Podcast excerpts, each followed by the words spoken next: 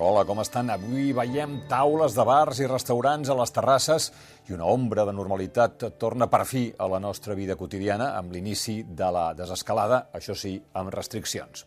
Ja es veu que el govern eh, l'ha adoptat, aquesta desescalada, amb el cor doblement encongit, eh, pressionat alhora per una economia molt castigada i per una sanitat molt pressionada, també.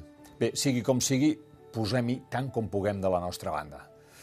I ahir, com si tot això fos una llunyana responsabilitat seva, el president del govern espanyol va sortir a apuntar-se la medalla. La bona notícia, aviat tindrem vacunes. La Unión Europea, que es eh, la unión a la que pertenece España, ya ha firmado cinco contratos para más de 1.200 millones de dosis ampliables.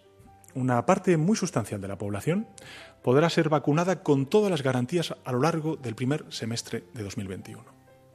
M'ha fet molta gràcia aquesta arrencada de la Unió Europea, que és la unió a la qual pertenece Espanya, no només perquè li ha quedat molt bàsica eh, aquesta explicació, sinó perquè diu exactament la veritat.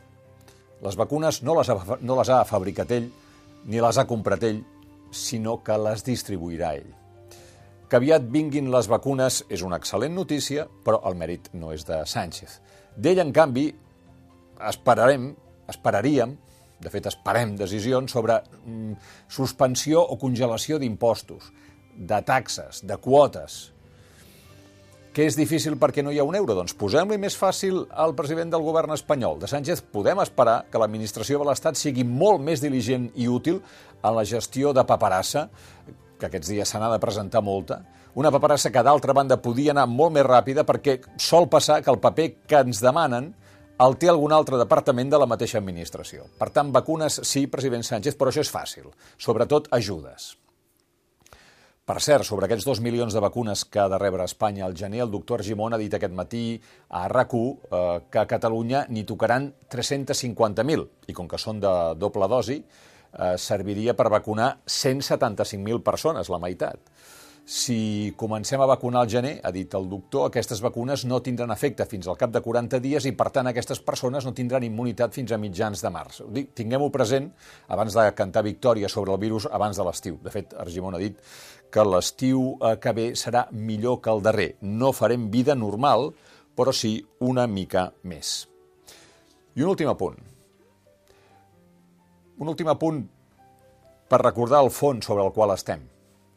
Ahir l'Ara van publicar una entrevista a Antoni Vilacases, 90 anys, mecenes que va fer la seva fortuna en el, seu, en el sector farmacèutic.